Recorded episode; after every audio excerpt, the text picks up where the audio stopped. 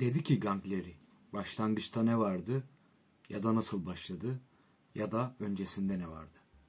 Har cevap verdi Voluspa'da anlatıldığı gibi. Önce zamanın şafağında hiçbir şey yok iken daha ne kum ne deniz ne de serinleten dalgalar dünya da yoktu ne de cennet yukarıda. Ginungagap var ise de ne de çimen hiçbir yerde. İşte bugün dillere destan olan mı denir? Popüler kültürde kendine sık sık yer edinen, filmlerde, dizilerde, oyunlarda sık sık kullanılan, kurgu romanlara konu olan İskandinav mitolojisinin başlangıç cümleleri bunlardı. Bildiğiniz üzere bu kutsal süreç bu cümlelerle başladı ve bu cümlelerin ardından İmir'in bedeninden dokuz diyar yaratıldı. Devamında tanrılar, devler ve diyarların içinde bulunan yaratıklar diyarlarda gezmeye, dolaşmaya başladı. Bundan bir önceki bölümde sizlerle birlikte eskatoloji mitlerine bir giriş yapmıştık. Kısa bir giriş olmuştu bu. Sizlerle birlikte eskatolojinin ne demek olduğunu, ne şekilde ortaya çıktığını, neden ortaya çıktığını konuşmaya çalışmıştık. İşte bugün de bu bölümde İskandinav mitolojisinin meşhur eskatolojik anlatısı olan Ragnarok'u konuşmaya çalışacağım. Dünyanın fakat dünyanın yok oluşundan önce sizlere dünyanın başlangıcıyla bir başlangıç yapmak istedim ki bu da bir iyi bir video başlangıcı olsun. Biliyorsunuz İskandinav mitolojisinin bugün bize ulaşmasını sağlayan kişi, şiir edayı yazan kişi Snor, Snorri Sturluson. Bu da daha demin okuduğum bölümlerde onun kitabındandı. Şiir edadandı. Fakat bugün eskatoloji mitini e, ve Ragnarok'u konuşurken burada değinmemiz gereken önemli bir nokta var. Snorri'ye göre Ragnarok'tan sonra dünyanın tekrar devam edeceğine, yeniden bir düzenin kurulacağına ve bu düzenin içerisinde insanların yaşamaya devam edeceğine, hatta e, Ragnarok'tan kurtulan tanrıların ve tanrı çocuklarının da yaşamaya devam edeceğine inanılır. Bundan bahsedilir. Fakat araştırmacılar bu durumu incelerken söylerler ki bu Snorri'nin Hristiyan olmasından dolayı Hristiyan mitolojisinde İskandinav mitolojisine katarak bir anlatı yarattığını yarattığından bahsederler. Çünkü araştırmacıların inandığına göre Ragnarok'tan sonra bir yaşam yoktur. Orijinal mitolojide, orijinal anlatıda Ragnarok'tan sonra bir yaşam bulunmaz. Fakat Snorri bize Ragnarok'tan sonra da bir yaşam olduğundan bahseder. Bu da onun Hristiyan olmasıyla ilişkilendirilir araştırmacılar tarafından. Zaten 10. ve 11. yüzyıllarda İskandinav mitolojisi tam anlamıyla e, yazıya geçirilmiş vaziyete geliyor. Anlatılar bu halk arasında dolaşan mitolojik anlatılar işte kralların sofralarında ve hanlarda anlatılan, özel günlerde kurban ayinlerinde anlatılan bu mitolojik anlatıların 11 ve 10 ve 11. yüzyıllarda yazıya geçirildiğini biliyoruz Eddalar şeklinde. Bu da Hristiyanlık etkisi için epey e, uzun bir süre oluyor. Epey müsait bir süre oluyor. 10. ve 11. yüzyılda Kuzeylilerin Hristiyanlardan etkilenerek anlatılarına Ragnarok'tan sonrasını da etkilemesi, eklemesi olası gözüküyor zaten. E, burada tabii ki de araştırmacıların bu söylediğine ben de katılıyorum. Çünkü hatırlarsanız bir önceki bölümde eskatolojiye giriş yaparken biz eskatolojik anlatıların sonrasında pek de bir hayatın sürmediğinden bahsetmiştik. Fakat e, Snorri'nin kitabından oku, okuyoruz ki e, Ragnarok'tan sonra yeni bir yaşam doğuyor. Fakat bu yaşam e, işte dediğimiz gibi Hristiyanlık etkisiyle ortaya çıkan bir yaşam olduğu e, bir ihtimal de e, göz önünde bulundurulabilir. Okurken buna dikkat ederseniz e, tabii ki de daha iyi bir okuma yapmış olursunuz. Bu %100 doğrudur demiyorum. Yalnızca okuma dikkatinizi arttırır. Mitolojik metinler biliyorsunuz katman katmandır ve bu katmanlar bir süre sonra araştırmacıları da zorlamaya başlar, okuyucuları da zorlamaya başlar. Bu da ve ihtimaller ayakta tutar mitoloji metinlerini yorumlamayı. Bu da e, Ragnarok sonrası e, bir yaşamın olduğu inancı Hristiyanlıktan gelmiştir ihtimali de e, kafanızda bulunsun bir e, bilgi olarak. Biliyorsunuz İskandinav mitolojisinde Ragnarok bütün diyarları yok eden, bütün tanrıları ve insanları yok eden bir kıyamettir. Bu kıyamet e, dünya normal seyrinde ilerlerken birden başlamaz, birden baş göstermez. Bunun için birçok kehanet bulunur. İskandinavya'daki e, cadılar, Voluspalar bu kehanetleri e, Baldur'un düşü gibi e, kehanetleri düz yazı Edda'da özellikle e, bu Baldur'un düşündeki gibi hikayeleri bizlere aktarırlar. Biliyorsunuz e, Baldur'un ölümüyle birlikte aslında Ragnarok başlar. Bugün e, pek de e, yeni çıkan ve çok da güzel gözüken bir oyun olan God of War'da da God, of, War'ın son bölümünde de böyle bir sahne mevcut. Spoiler olmasın bu tabii ki de arkadaşlara. Böyle bir sahne mevcut. İlk oyununda böyle bir sahne mevcut. İkincide değil. Baldur e, öldürülür ve Ragnarok başlar. Baldur'un öldürülmesi de trajik bir hikayedir. Çünkü Loki onu bir ökse otuyla öldürür. Normalde Baldur ölümsüzdür ve hiçbir silahla öldürülemez şekilde tasvir edilir. Ancak yalnızca ökse otunun ona zarar vereceğini öğrenen Loki onu ökse otuyla vurmaya başlar ve Baldur bu şekilde e, ölmüş olur. Baldur meşhur Freya'nın oğludur bu arada. Baldur'un Düşleri şiirinde bu anlatı mevcut. Sonra bu sürecin devamında ise Loki yakalanır. İşte o meşhur bildiğiniz e, tasviri söyleyeyim. Şöyle kollarından asılarak bir mağaraya kafasında e, yılan zehri akacak şekilde asılır ve bunun devamında işte bu olaylar silsilesinin devamında da bir diğer adıyla Tanrıların Alacakaranlığı Ragnarok e, başlamış olur. Sonra dedi ki Gangleri, Ragnarok ile ilgili neler anlatıla, anlatılabilir? Onun hakkında konuştuğunu duymadım henüz. Har cevapladı. Onun hakkında harika şeyler anlatılabilir. Öncelikle korkunç kış Fimbulvetr hakkında bilgi verelim. Bu sezonda kar her yönden gelir. Soğuk kuvvetli, rüzgarlar keskindir. Güneşin hiç mecali yoktur. Böylece üç kış arka arkaya yaşanır ve aralarında hiç yaz yaşanmaz. Sonra bir üç kış daha yaşanır. Öyle ki böyle zamanlarda tüm dünyanın üzerinde savaşlar yaşanır. Böyle anlarda kardeşler açgözlülükle birbirlerini katleder, kimse adam öldürmede baba ile oğlu ayırmaz, ensest de ona keza, Böyle söyler Voluspada. Burada aslında eskatolojik mitlerin kökeninde yatan iki şeyden bize doğrudan doğruya bahsediyor. Eskatoloji mitleri ortaya çıkarken bir önceki bölümde de bahsettiğimiz gibi doğa olayları ve ahlaki yozlaşmalardan bahsetmiştik. Doğa olaylarında burada iklim değişikliğine dair bazı göndermeler görüyoruz. O dönemde de soğumalar ve ısınmalar mevcut olduğunu bilim insanları bize aktarıyor. Burada da bir korkunç kış yaşanacağına, bu kışın 3 3 e, yaz boyunca devam edeceğine, 3 kış yaşanacağına dair ve tabii ki de bu aralarında yaz olmayacak ve böyle bir üç kış daha yaşanacağına dair bir kehanet var. Ve hemen devamında da böyle anlarda kardeşler açgözlülükle birbirlerini katlederler. Burada kardeş kardeşi öldürmesi, kimse adam öldürmede baba ile oğlu ayırmaz. Haksız yere insan öldürmek ve ensest özellikle çok büyük günahlardan bahseder. Hristiyanlık olsun olmasın. İlkel dinlerde de İlkel demek pek tercihim olmasa bile ilkel dinlerde de çok büyük bir e, ceza cezaya çarptırılan bu yasaklar, bu suçlar işlenmeye başlar. Yani önceki nesillerin gelecek nesiller hakkındaki ahlaki yozlaşmasına dair duyulan inanç zaten kıyamet mitolojilerinde bizim ekstra gözümüze çarpan olaylardır. Hep inanılır ki bir sonra gelen neslin ahlakı bir önceki nesilden daha yoz olacak. Bunların ahlakı bozulacak ve bu ahlak bozukluğu dünyanın sonunu getirecek. İşte burada da Snorri'nin e, cümlelerinde de biz bunu görebiliyoruz. Kardeşler kavga eder birlikte, birbirlerine musibet olurlar hem de. Bazılarının çocuklarıyla günaha girerler. İnsanların çığırından çıktığı bu zamanlarda kahpelik artar. Bakın burası önemli.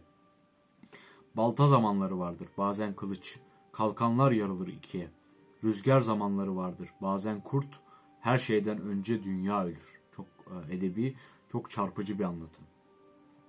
Sonra da ne muhteşem şeyler meydana gelir diyerek bizim bugün e, her yerde gördüğümüz Ragnarok anlatısına bir giriş yapıyor zaten Snorri. Kurt güneşi yutar. Bu insanlara büyük zarar verecektir. Sonra bir başka kurt da ayı ele geçirir. O da büyük zarar verir. Yıldızlar cennetlerden kaybolur. Şunlar sonra da şunlar olur. Tüm dünya öyle sarsılır ki kayalıklar, ağaçlar yeryüzünden sökülür. Kayalar yıkar geçer tüm bağlar ve zincirler kopar kaybolur. Kurt Fenrir kurtulur denizler karaya vurur. Zira Jörmungandr öfkeyle kıpırdanır karaya doğru yönelir. Görüyorsunuz Jörmungandr da burada önemli bir e, motif çünkü dünya yılanı Jörmungandr bizdeki adıyla dünya yılanı ve yaratılıştaki önemli bir e, metaforun, önemli bir simgenin sonda da karşımıza çıktığını görüyoruz. Bunu da ilk bölümde eskatolojiye giriş e, bölümünde söylemiştik. Bu giriş başlangıçtaki e, meselelerin sonda da karşımıza çıktığını, kutsalın kaosla savaşını, kötüyle savaşını, iyinin kötüyle savaşını çeşitlendirebiliriz bu adlandırmaları. Sonlarda hep görürüz. Naglfar adı verilen gemi kaybolur. Ve de ölü adamların tırnaklarından yapılan bu gemi ne kadar müthiş bir anlatım. Gittiği yerde bir nazire olarak algılanır. Tırnakları kesilmeyen bir adamın tırnakları yapı malzemesi olur. Bu Naglfar gemisine ki tanrılar ile insanlar bitirmek için çok hevesliydi. Yine de bu deniz taşkınında Naglfar batar. Naglfar'ın dümeninde Hirmir adında bir dev vardır. Fenrir kurdunun açılan ağzıyla önlerindedir.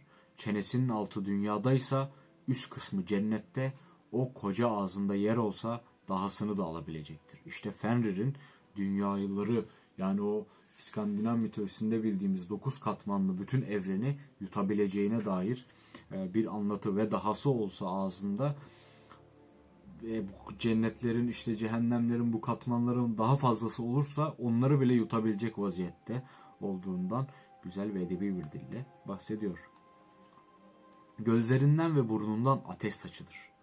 Jörmungandr öyle zehir saçar ki tüm havaya ve suya saçabilir. Çok korkunç ve kurtun tarafındadır. Yani Fenrir'in. Bu gümbürtüde gök yarılır. Muspel'in oğulları yayılır. Surtur'dur ilk gelen. Önünden ve arkasından ateşler saçarak hem de. Kılıcı alabildiğine güzeldir. Güneşten bile daha parlak gözükür. Bir Bigrös'ten geçtiklerinde daha önce de denildiği gibi köprü yıkılacaktır. Muspel'in oğulları Vigridir olarak bilinen tarlaya yönelir. Fenrir kurduna ve Jörmungandr'a daha da yaklaşırlar.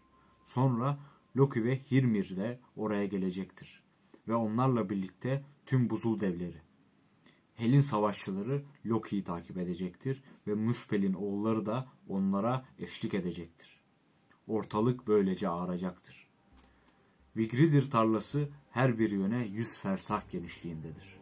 Tüm bu olaylar yaşanırken Heimdallr doğar oradan. Ulviyetle Güyeller horna üfleyerek tüm tanrıları uyandırır ve hep birlikte toplanırlar. Sonra Odin Mimir'in kuyusuna gider, bir araya gelir Mimir'de konuklarıyla. Yggdrasil sallanır şiddetle.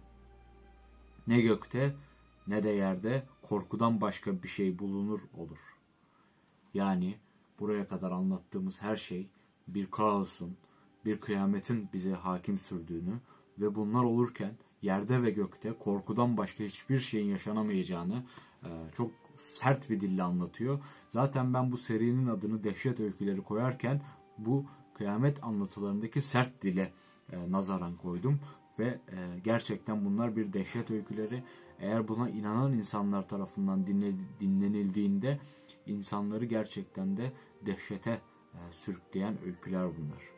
Aesir savaş otlarıyla donatır kendisini ve tüm savaşçılar birlikte savaş meydanına girerler. Odin'dir ilk gelen altın başlığı, parlak zırhı ve Gungnir olarak bilinen mızrağı ile. Funris kurduna karşı gelir. Bir yararı olmasa da Thor da yanı başındadır. Zira bir yandan da Jörmungandr ile savaşmaktadır. Freyr, Surutru ileri sürer. Freyr düşmeden önce çok çetin mücadeleler meydana gelir. Skirnir'e verdiğinden yanında iyi bir kılıcı olmadığından orada canını verir. Sonra da Garmir isimli köpek ortaya çıkar. Daha öncesinde Gnipa'nın mağarasında bağlı olsa da muhteşem bir canavardır. Tir yani savaş tanrısı ile savaşır. Her ikisi de birbirinin canını alır. Thor, Jörmungandr'ın canını alır ve oradan dokuz uzun adımda uzaklaşır. Yılanın saçtığı zehir nedeniyle sonra o da canını kaybederek yere yuvarlanır. Şuraya kadar Freyr öldü. Jörmungandr öldü. Tyr öldü. Thor öldü. Ee, bakıyoruz başka. Başka da şu ana kadar ölen yok. Fakat bu çok önemli. Ee, İskandinav mitolojisinin mihenk taşlarını şimdiye kadar öğrendik. Ve şimdi kurt Odin'i yutuyor. Kurt Odin'i yutar. Bu da onun sonu olur. Odin de öldü. Ancak hemencecik Vidar yaklaşır. Kurdun alt çenesine ayakkabısı olan ayağı ile adımını dayar. Zamanın başından beri bir araya gelen malzemeden yapılan bir ayakkabıdır. Bir eliyle kurtun çenesini tutar ve boğazını yırtar. Ve bu da işte kurtun sonu olacaktır. İşte burada e, Fenrir de ölüyor. Savaşır. Heimdallr ile. Böylece her birisi birbirinin katili olacaktır. Hemen ardından Surtur dünyanın üzerine ateş saçar ve tüm dünyayı yakar. Böyle der Voluspada. Heimdallr var gücüyle üfledi, havaya kaldırdı bo kaldırdığı boynuza. Odin bir şeyler dedi Mimir'in başına. Olduğu yerde Yggdrasil'in titreşir kadim ağaç hıçkırarak inler. Jötun gittiğinde Aesir'den ne bekleniyordu? Ya da elf halkından. Tüm Jotunheim yankılandı bir araya geldiğinde Aesir. Elfler inledi. Taştan kapıların önünde bilgi adamlardır elfler. Sonrasında ne beklersin? Hirmir geldi doğudan. Tutarak kalkanın önünde. Jörmungardr arkasında denizi dalgalandırarak vuruyordu hırçına suya. Kartal çığlık atarken Nitfol ekinleri yırtarak Naglfar'ı serbest bıraktı. Doğudan açılıp gelen bu gemiyle Muspel'in halkı da gelir. Su dalgalarının üzerinde, Loki'nin dümeninde işte karşınızda kurt. Tüm dev oğullarıyla birlikte yanlarında geliyordu. Bleistir'in kardeşi Loki de. Surtur geliyordu güneyden, korkunç alevlerin yıkıcılığı ile birlikte güneşin parlattığı kılıcıyla tanrıları boğazlıyordu. Kayalar düşüyordu uçurumdan, iblisler tökezlerken, insanlar hel yoluna koyuldular, gök üstlerinde yarılıyorken, sonra Hilodi'nin ulu oğlu geldi. İkinci kederi Odin gittiğinde, dövüşmeye Kurt ile ve Beli'nin katili Surtur'a karşı geldiğinde, ah o Frig'in sevdiği Odin'i öldürecekti. Odin'in oğlu da gitti Kurt ile dövüşmeye Vidar kaçarken. O leş yiyen canavara kılıcının o caniye acı vermesine izin verdi.